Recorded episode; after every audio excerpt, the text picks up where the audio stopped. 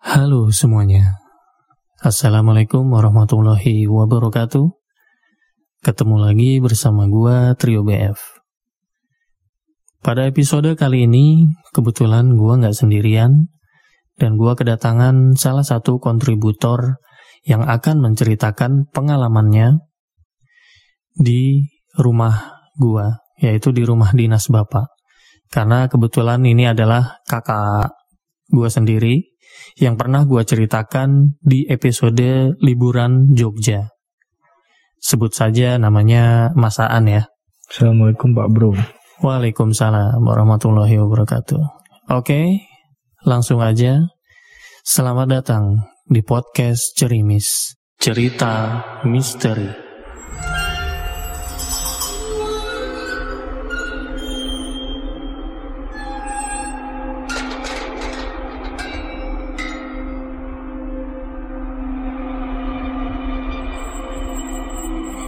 Gue jadi keingetan nih waktu di rumah bapak. Gue lupa sih tanggal berapa. Yang jelas itu hari Jumat.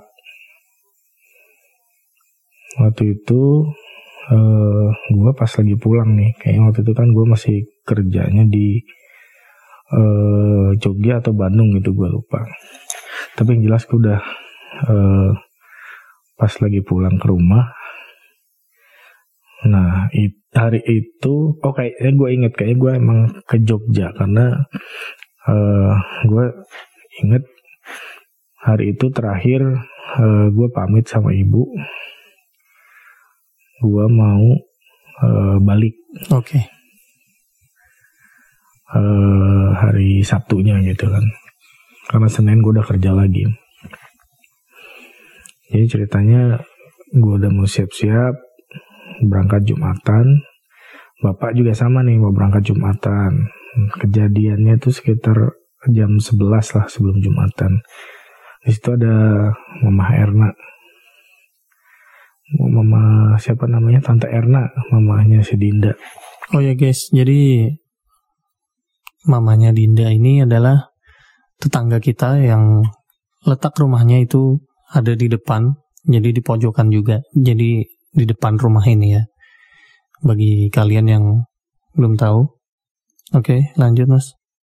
Jadi ibu waktu itu ngobrol sama Mama Dinda nih. Ngobrol-ngobrol-ngobrol, biasa nggak ada kejadian apa-apa. Cuman dia curhat sama Mama Dinda bilangnya, wah Aan mau pulang nih ke Jogja Dinda saya sepi lagi dong katanya gitu. Padahal belum lepas kangen kan. Nah nggak lama gitu ibu tuh langsung ngerasa duh angin dari kamar gua kan tidurannya di kamar gua tuh. Angin dari jendela kok rasanya aneh ya nah nggak lama gitu tiba-tiba ibu kesurupan tuh yuk. Hmm ibu kesurupan tuh mama Dinda uh, manggil gua kan. Iya iya. Ya gua manggil bapak. Gua udah siap-siap itu udah pakai baju koko mau berangkat kerja. Ya maksudnya mau berangkat jumatan. Nah udah gue dipanggil nih. Nah refleks kan gue ke sana kan. Waktu itu Mas Hendrik masih tinggal di sama ibu. Kan belum nikah. Oke. Okay. hmm. gue lihat nah ibu udah uh, gitu. Matanya udah keliat ke atas kuning warnanya. Jadi matanya tuh aneh warnanya tuh kuning. Terus ibu tuh uh, apa ya ngeluarin air liur gitu sambil melotot. Ish. merinding ya. Badannya udah apa gerak-gerak nggak karuan gitu. Ngomongnya juga nggak jelas kan.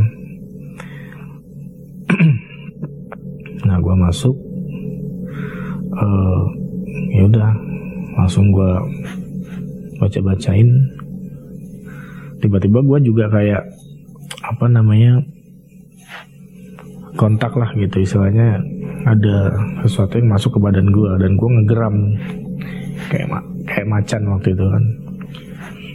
Mama Dinda sama bapak cuman bisa diem aja sih sambil istighfar.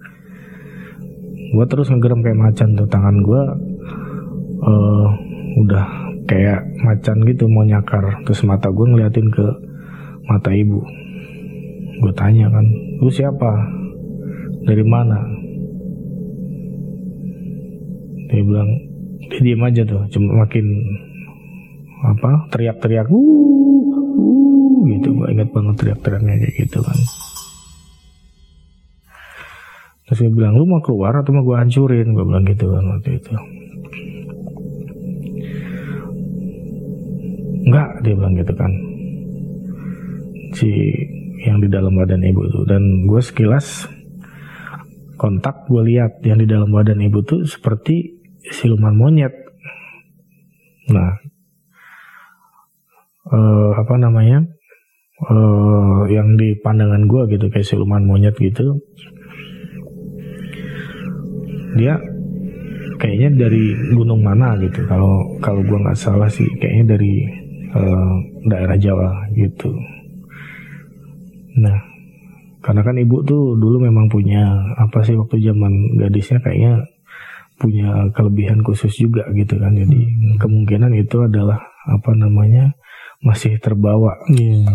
Jadi akhirnya mungkin si itu tuh yang menyebabkan si siluman monyet itu masuk ke badan ibu kan. Yang lama Mas Hendrik datang nih. Mas Hendrik datang maki-maki lu tahu sendiri Mas Hendrik kan maki-maki kan oh iya untuk kalian yang belum tahu Mas Hendrik itu adalah kakak kedua gua yang gue ceritakan di episode uh, liburan Jogja. Jadi yang yang nyetir itu Mas Hendrik ini namanya dan ini kakak kedua gue ya. Oke, lanjut lagi. Hei setan lu goblok lu gitulah kayak bahasa kita mau kayak gitu lah dia bilang keluar lu kan Ma, Mas Hendrik uh, maki-maki si itu juga makin maki-maki. Bacain ayat kursi sama Mas Hendrik sambil kan gue tetap uh, megang jempol kaki ibu. Katanya memang kepercayaan orang kalau misalnya kita kesurupan atau apa pegang jempol kakinya gitu supaya yang di dalam tuh merasa nggak kuat. Uh, pengen segera keluar gitu kan. Nah, Mas Hendrik malah baca ayat kursi gitu kan. Oke. Okay. baca ayat kursi tapi dia malah teriak gue juga bisa. Cuman baca gitu doang. Istilahnya kayak gitu. Anjir. gila. Ya udah akhirnya gue makin menjadi badan gue udah gak bisa ngontrol diri gue sendiri kan. Udah ada yang masuk atau gimana buat istilahnya uh, ini ibu entah ada apa gue baca sesuatu gitu terus apa namanya gue terus tatapin gue bilang lu kiriman atau ikut kata gue bilang gitu kan. Dia gue tanya siapa yang ngirim lu? Gue tahu gue karena gue tahu dia itu pasti kiriman. Dia cuma dia nggak nggak ngasih tahu. Dia bilang apa namanya? Nggak tahu gitu kan. Kamu pulang? Nggak mau dia bilang gitu kan. Kamu pulang atau rumah kamu yang aku hancurkan? Aku hancurkan rumahmu kamu nggak bisa pulang selamanya kayak gituin kan terus dia bilang nah nah gitu mulai mulai ngeredam tuh si siluman monyetnya itu udah mulai apa istilahnya yang masuk udah mulai ngeredam. Dia uh, bahasanya dia ngerendah istilahnya udah udah mulai kayak yang putus asa. Dia tanya dia bilang ke gua kan pulang ke mana? Oh jadi dia nanya ya aduh gua pulang ke mana? Gitu ya. Iya dia nanya kayak gitu ke gue bingung mau pulang ke mana. Dengan nadanya yang lirih itu kan karena gue tunjukin gitu rumah dia apa gue acak-acak gitu kan. Mungkin di, ya orang di situ nggak ada yang percaya tapi ya istilahnya itu yang bisa gue ceritain. Akhirnya nggak lama apa namanya e, mungkin kita berantem lah secara nggak kasat mata gitu kan.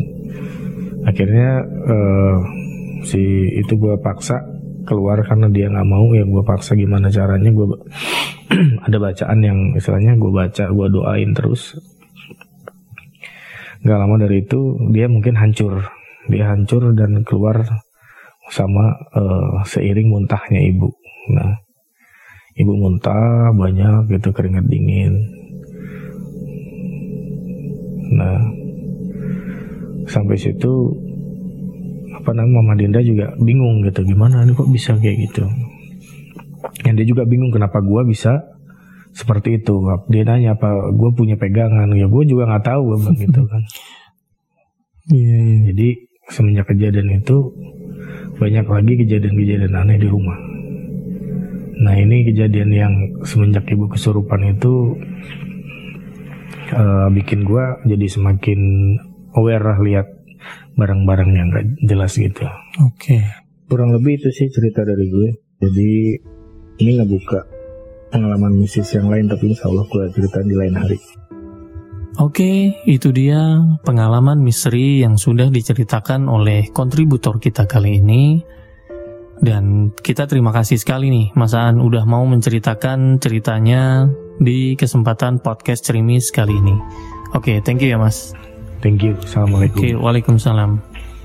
Nah, bagi kalian yang ingin membagikan ceritanya, eh, pengalaman-pengalaman mistis, bisa kalian kirim ceritanya ke DM Instagram gua atau Facebook, dan juga ke email gua yang ada di link deskripsi di bawah. Oke, jangan lupa untuk subscribe, like, komen, dan share jika kalian suka dengan cerita-ceritanya. Sampai jumpa di cerita selanjutnya. Salam misteri.